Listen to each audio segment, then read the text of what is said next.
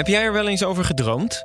Om helemaal iets anders te gaan doen? Ik heb het vak vroeger al echt superleuk gevonden. Als klein jongetje eigenlijk al. George Freulich, die deed het. De vertrouwenscommissie van de gemeente Vijf Herenlanden draagt radiomaker George Freulich voor als burgemeester. Hij ruilde zijn werk als hoofdredacteur van BNR in om burgemeester te worden van zijn eigen gemeente.